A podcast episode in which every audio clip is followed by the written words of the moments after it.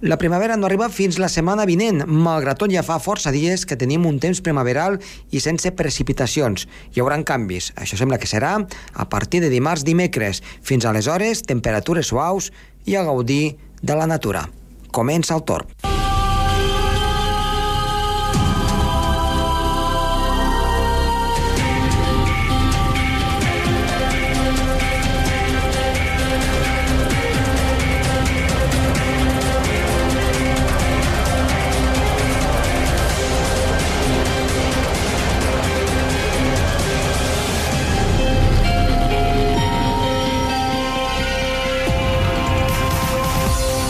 Molt bona tarda, moltes gràcies per escoltar-nos un dia més des del seu transistor, el seu vehicle o per internet des de qualsevol punt del món. Avui parlarem de coses importants, per exemple, de com ha estat aquest hivern i què ens depara la primavera. Per tant, un programa molt interessant que esperem que no se'l perdin. Som-hi!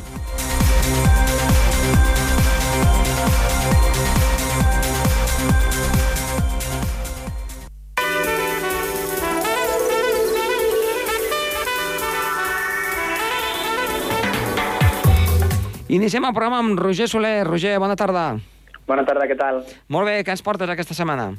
Aquesta setmana parlem de contaminació atmosfèrica perquè tenim notícies d'estudis de l'Organització Mundial de la Salut i també eh, relacionat amb això ho aplicarem en mesures que ha fet eh, l'administració, les diferents administracions que treballen per la qualitat de l'aire a l'àrea metropolitana de Barcelona. Què et sembla? Doncs perfecte, som-hi. Comencem, si et sembla, per lo general, com sempre, és uh, aquest estudi que diu que pràcticament 2 milions, 1,7 milions de nens de menys de 5 anys moren cada any al món per la mala qualitat ambiental i això ho afirma dos estudis de l'Organització Mundial de la Salut. És així, um, és una xifra que sembla molt alta, però um, és verídica que aquests 1,7 milions de nens moren petits de menys de 5 anys per culpa de la mala qualitat ambiental i s'entén per contaminació de les aigües, per contaminació de l'aire i també per exposició als productes tòxics i la falta d'higiene a les condicions ambientals. Per tant, eh, són dades bastant alarmants que surten de dos informes que ha presentat aquesta mateixa setmana, aquest dilluns, l'Organització Mundial de la Salut. Um, què succeeix? Quines són les mesures que s'han de fer, quines són eh, els impactes, doncs podem concloure d'aquest estudi que, el, que les persones més petites, que, el, que els més menuts uh mhm. -huh. són els més vulnerables sí. davant de la contaminació atmosfèrica. Així doncs, també, i diferents estudis ho afirmen, no? gent que té patologies no? respiratòries, Clar. així com uh mhm. -huh. altres malalties i persones de la tercera edat. Però aquest estudi se centra en nens que no arriben als 5 anys. Mm, segons aquest informe, el 32% de les morts corresponen a malalties respiratòries i això es tradueix quantitativament en 570.000 nens que bàsicament moren sobretot per pneumonies provocades i agreujades per la contaminació de l'aire. El següent grup de, la de les malalties relacionades amb la qualitat ambiental són les diarrees, que maten 361.000 nens cada any, que són un 22% del total. La causa principal, ja us podeu imaginar, la contaminació de l'aigua, aigües mm -hmm. en mal estat, que veuen, a més també de les males condicions higièniques en què viuen. I també aquest informe calcula que 270.000 nens moren durant el primer mes de vida per motius que es podrien prevenir, mesures preventives que ho evitarien com l'accés a l'aigua neta i potable i condicions d'higiene i sanitàries mínimes. I també destaquem que 200.000 morts més la causa la malària, que es podia prevenir controlant els hàbitats dels mosquits i cobrir les fonts d'aigua potable. 200.000, a part, les causen accidents que també s'atribueixen a condicions ambientals, com enverinaments, caigudes i ofegaments. Per tant, déu nhi quin informe que posa en evidència eh, les condicions o els efectes tan perjudicials que té la contaminació a nivell mundial i que aquí a Catalunya mm, intenten o intentem posar-hi una mica de remei, sobretot les administracions públiques. Eh? Mm -hmm.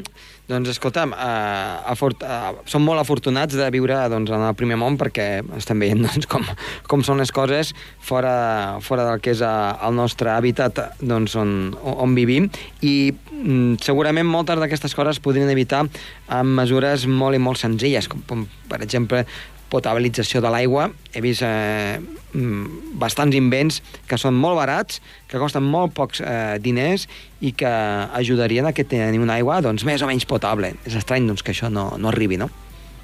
Doncs sí, però precisament comentem, si et sembla, amb aquest aquesta notícia important eh, que s'ha portat a terme aquesta setmana en una assemblea, en un debat que va tenir lloc justament el dilluns, mm. també, eh, de diferents administracions eh, que tenen competència de la contaminació de la qualitat de l'aire a Barcelona, que són l'àrea metropolitana de Barcelona, el Departament de Qualitat Ambiental de la Generalitat, així com l'Ajuntament de Barcelona presidit per Ada Colau. Els cotxes de més de 20 anys, és la notícia, no podran circular per l'àrea de Barcelona a partir del 2019. Mm -hmm. Es tracta de turismes matriculats abans del 1997 i furgonetes anteriors al 1994. I la prohibició aquesta ja s'aplicarà al desembre els dies d'alta contaminació, el pròxim desembre, eh? però només en dies d'episodi ambiental. Però sí. aquesta reforma fa referència a partir del 2019 cada dia, independentment de si hi ha episodi ambiental mm -hmm. o mhm. no.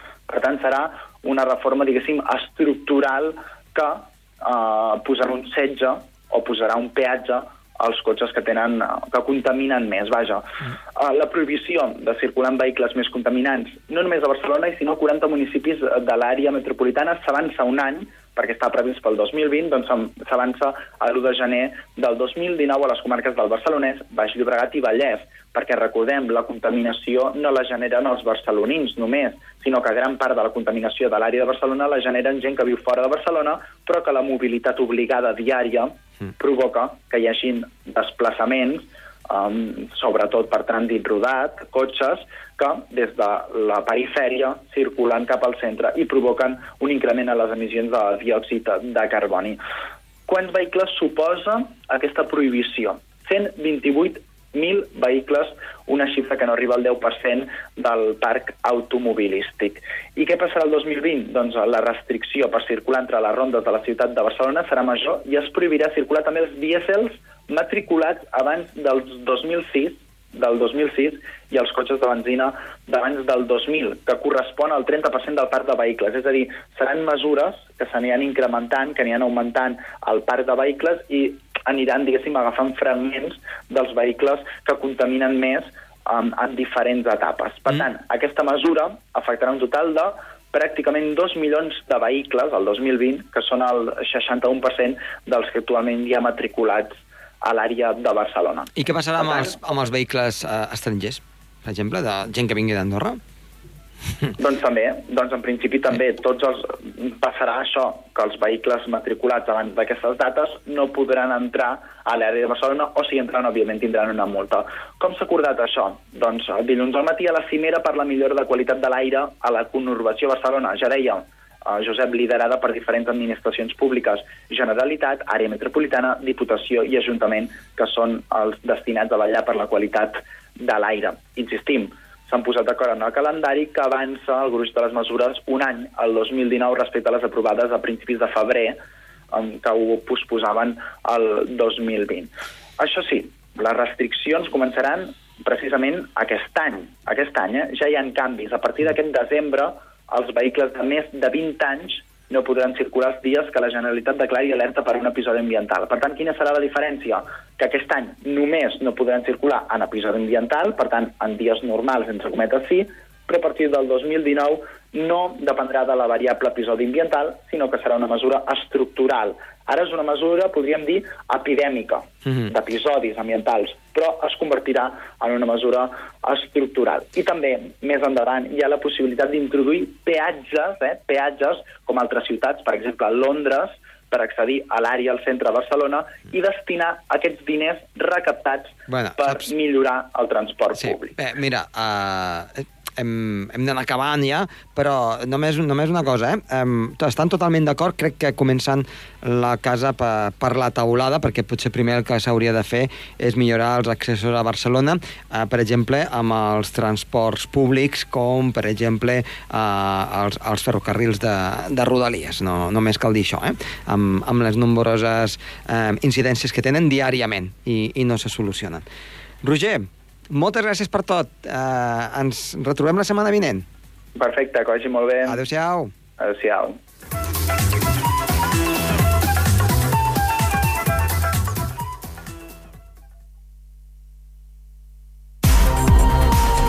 El Torn, amb Josep Tomàs.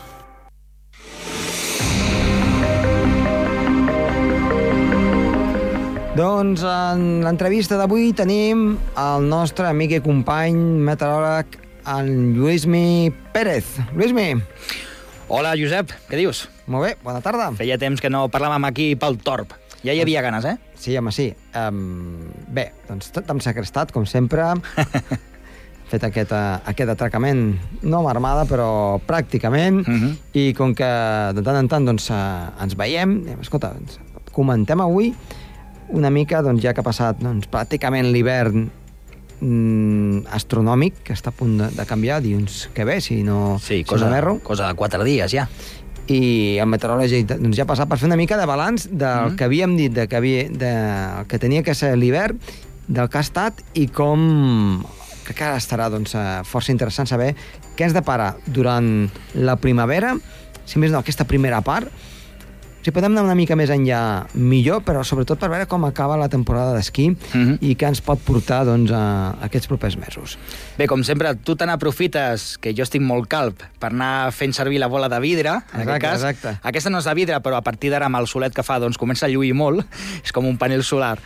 I, de fet, si mirem primer el que és fàcil, no? fer una anàlisi, com diria el gran Javier Martín Vide, una anàlisi post-mortem, és molt fàcil en aquest cas fer una previsió passada, en aquest cas seria doncs, un, doncs una conclusió, podem dir que no ens, hem, no, ens, no ens n'hem sortit tan malament del que eren les previsions inicials del que podria ser l'hivern. Uh -huh. Indicaven més aviat un hivern tirant a fresquet i sobretot bastant nivós.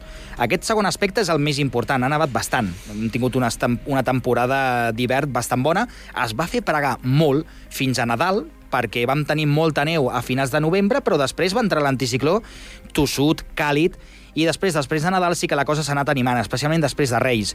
El mes de gener va ser bastant fred, el mes de gener va ser nivós, el mes de febrer va ser nivós, no tan fred en aquest cas, més aviat tirant al contrari, i el que portem de mes de març no cal dir que este, està sent de principis d'estiu, Mhm. perquè la setmana passada, ara fa ben bé dues setmanes, que tinguéssim a 27 graus a Sant Julià de Lòria, home, no es dona cada any a principis de març. En qualsevol cas, en quant a neu, s'han portat molt bé aquestes previs, en quant a temperatura, doncs ha estat un, han estat uns mesos d'hivern fluctuants.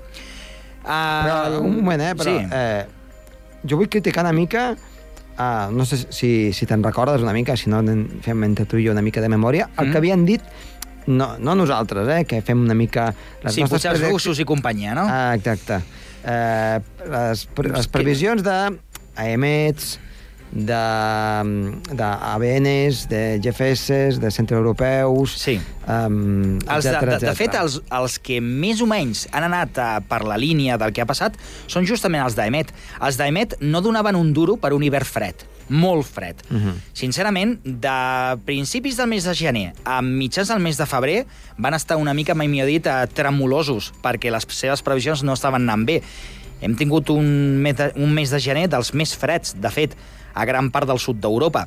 I, per tant, en aquest sentit, no anàvem massa, massa fins. Però sí que, és veritat, sí que és veritat que el desembre, el febrer i principis de març ho estan bordant, perquè les temperatures estan sent més altes del que seria habitual climàticament.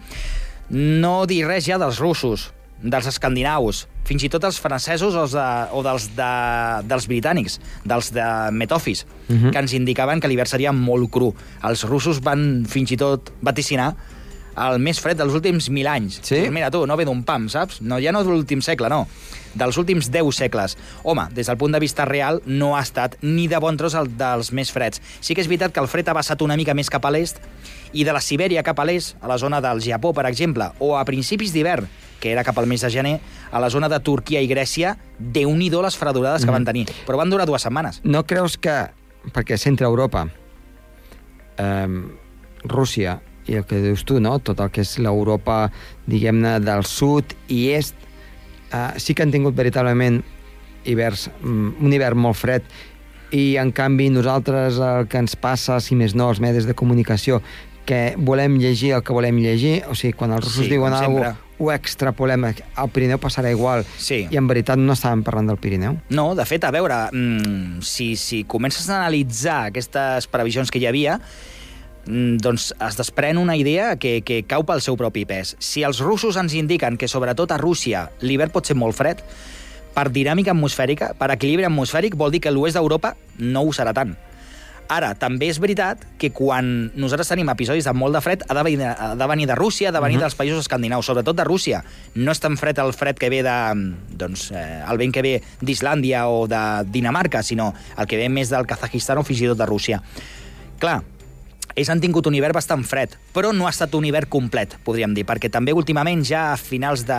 des de fa un mes, més o menys, des de la segona quinzena del febrer i sobretot aquesta primera quinzena del, del març, s'està comportant amb unes temperatures més aviat suaus. També estan emergint allà mm, entrades d'aire més càlid. No és que estiguin tenint les temperatures de casa nostra, perquè ni de bon tros està mm, es um, disparatant tant la, la cosa com és el cas del nostre país, però sí que també fa un mes com, que, com un mes que no tenen temperatures massa baixes. Sí que és veritat també que el desembre i el gener van ser molt rigorosos. Mm -hmm. Per Mhm. tant, sí que és veritat que quan nosaltres escoltem que els russos diuen que poden tenir un hivern molt fred, a nosaltres potser no ens agafi tant, de, tant, tant a la vora. En canvi, si els britànics ho diuen, doncs podria ser que nosaltres també, perquè si ells tenen molt de fred, per proximitat, ens hauria de tocar també la grossa a nosaltres. Poc o molt, sí. T'he de dir que igualment no ens podem queixar, sobretot des del punt de vista de la neu, No. perquè és molt millor un hivern. Si un hivern és molt, molt fred, és un hivern que no té tanta neu. Mm, sí, nosaltres som en una serralada, la Pirinenca, que fa de barrera als vents del nord i del nord-est, i si fa de barrera vol dir doncs, que una vegada el vent arriba a les nostres muntanyes, s'aixeca, condensa i provo provoca precipitació. Però la quantitat d'humitat que pot portar un vent del nord no serà la mateixa, un vent del nord, del nord sobretot, no serà la mateixa que si ve del nord-oest. Vent del nord-oest ve d'Irlanda, no és un vent tan fred, però és un vent extraordinàriament eficient per deixar-nos nevades d'un metre. Uh -huh. En canvi, un vent del nord-est pot arribar amb temperatures de 25 graus sota zero al port de Malira, però que en, al cap i a la fi ens servirà per mantenir neu i per produir-ne de nova, però per grans nevades no. Uh -huh. Per tant, hem tingut un hivern bastant bo en quant a precipitacions de neu, no cal dir que a hores d'ara, després de les temperatures elevades que hi ha hagut, encara el gruix de neu que queda i la qualitat, lògicament, a partir d'ara, aquesta neu es transforma. Aquesta neu es fa xop-xop i primavera al migdia, o humida, però tenim molta quantitat de neu. I ja si fem un cop d'ull al que pot venir més endavant, Exacte. mm, doncs, a veure, Predicció. aquesta, aquesta bola de vidre i sobretot les previsions, en aquest cas, si mirem les de la- de les de l'estat espanyol, les de l'AEMET, els de l'AEMET van, per un, van en el sentit, AEMET i Meteocat també, mirant a Catalunya, ens indiquen que el Pirineu estarà amb uns mesos de primavera, entesos fins a Sant Joan, més o menys, de molta més calor de l'habitual i d'un ambient molt sec. Per tant, de molt poca precipitació i d'aquest cas, doncs, final de temporada de neu, doncs escarrancida. Uh -huh. Hauríem de viure, podríem dir, de rendes, no pas de nevades de consideració. Si fem un cop d'ull als meteofrans, que aquesta gent, sincerament, són dels millors que tenim... En quant a previsions del Pirineu, són els millors que hi ha. I AEMET no està pas malament. Meteocat en aquest sentit, que em perdoni des de Meteocat, però en quant a Pirineu són un 0 a l'esquerra. Un 0 a l'esquerra, no, dos zeros a l'esquerra. En quant a Met Meteofrans, que són bastant bons en aquest sentit, sí que ens indiquen que seran uns episodis més aviat de calor els que tindrem, però intercalats amb grans entrades d'aire fred. Per tant, un temps molt dinàmic, molt variable i molt normal per a aquestes dates. I els britànics, que també li fèiem... Britànics no, els americans, que també els hi fèiem un cop d'ull, ens donen una tàbula rasa. Ens donen un temps una mica... mm, No, massa, no es decanta ni a ser massa calorós ni a ser massa fred. Més aviat el que toca per a aquestes dates. Que també és bo, que vol I dir també que és bo, clar. nevarà quan hagi de nevar Així és. i farà una mica més de calor quan hagi de fer calor. Jo el que personalment, amb, aquesta, Ara, ara amb, amb, aquesta, amb aquests ingredients tots plegats i fent una coctelera, la sensació que tinc és que el que queda de mes de març serà bastant sec, hi haurà molt poca precipitació, no hi haurà nevades, no, no hi haurà nevades de consideració. Lògicament, pot passar un frontet, com el del cap de setmana passat, que ens deixi 5 centímetres de neu nova. Més aviat un mes de, el que queda de, de març bastant sec i bastant càlid una altra vegada, amb anticicló càlid a sobre, neu que minvaria, minvarà de, de seguida. Mes d'abril, que punxarà també en precipitació, però, en canvi, un mes de maig de molta neu, de molta neu, lògicament, potser no a Sant Julià de Lòria, però sí per damunt de 1.500 metres, amb entrades d'aire fred més consistents al mes de maig.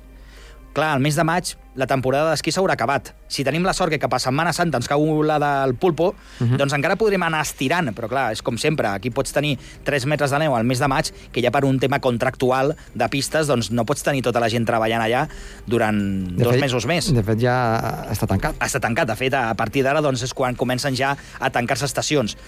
Mm, En quant a neu, mmm, potser n'hi hagi poc al mes d'abril i molta més al mes de maig. I molt més enllà, molt més enllà, la sensació que ja tinc amb els mapes estacionals d'una banda i, sobretot, per anàlisi d'episodis dels últims anys, és que l'estiu pot ser bastant calorós. Un estiu molt calorós, enguany. Si no és així, millor. Estalviarem en energia i en aire condicionat. Si al cap i a fi ve molta calor, doncs mira, podrem moure'ns amunt i avall sense haver d'estar pendents del paraigua. I amb molta precipitació? Mm, Un mes d'agost de moltes tempestes, d'un juliol molt calorós, un juny molt calorós, però un agost ja com toca. Per tant, Com els d'abans de que, que, que, que diem aquí, eh? Com els sí, sí, com els d'abans, sí, sí, doncs... Uh, Tempesta a la tarda. Sol de matí i tronada de tarda. Dels 35 graus de les dues de la tarda, passant als 15, 15. graus a Andorra la Vella, per exemple. Molt bé, Luismi. Doncs escolta'm, uh, ho tenim tot molt ben apuntat i... Sempre diem, eh, Josep, uh, aquests són els meus principis. Si no, els, si no us agrada, no en tinc d'altres, però si és per salvar el meu coll, en Els tinc podem- d'altres els que calgui. Exacte, els, els podem canviar. Luismi, com sempre, moltes gràcies. Que vagi molt bé. Adéu-siau. El torn amb Josep Tomàs. El torn amb Josep Tomàs.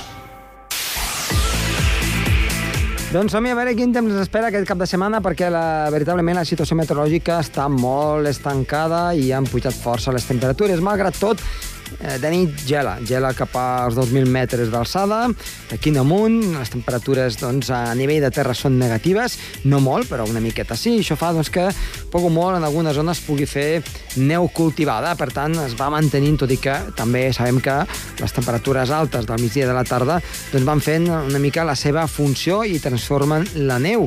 Uh, malgrat tot, aquests dies per anar a l'alta muntanya ho tenim perfecte, únicament dissabte farà una mica més de vent i pot haver alguna que nuvolositat a cara nord, uh, l'únic, uh, diguem-ne, l'únic entrebanc que hi podem trobar, mentre que la resta la situació doncs, ha de ser doncs, ampliament anticiclònica i assolellada. Millor sortir al matí, s'han de fer alguna excursió uh, d'alta muntanya, perquè amb la pujada de temperatures pot haver alguna llau de neu fonda, alguna llau de neu primavera. I també diumenge la situació ha de ser eh, clarament anticiclònica sense canvis. Quan ha de canviar la situació? Sembla que a partir de dimarts entraríem en una fase una mica més moguda, just doncs, quan entrem a la primavera astronòmica, la situació començaria a canviar, baixaran les temperatures i, per tant, a partir de mitja setmana vinent, eh, potser rebrien alguns ruixats de neu i, sobretot, temperatures més normals per l'època. Veurem què és el que acaba passant de moment aquests dies. Fins al cap de setmana, tranquil·litat meteorològica.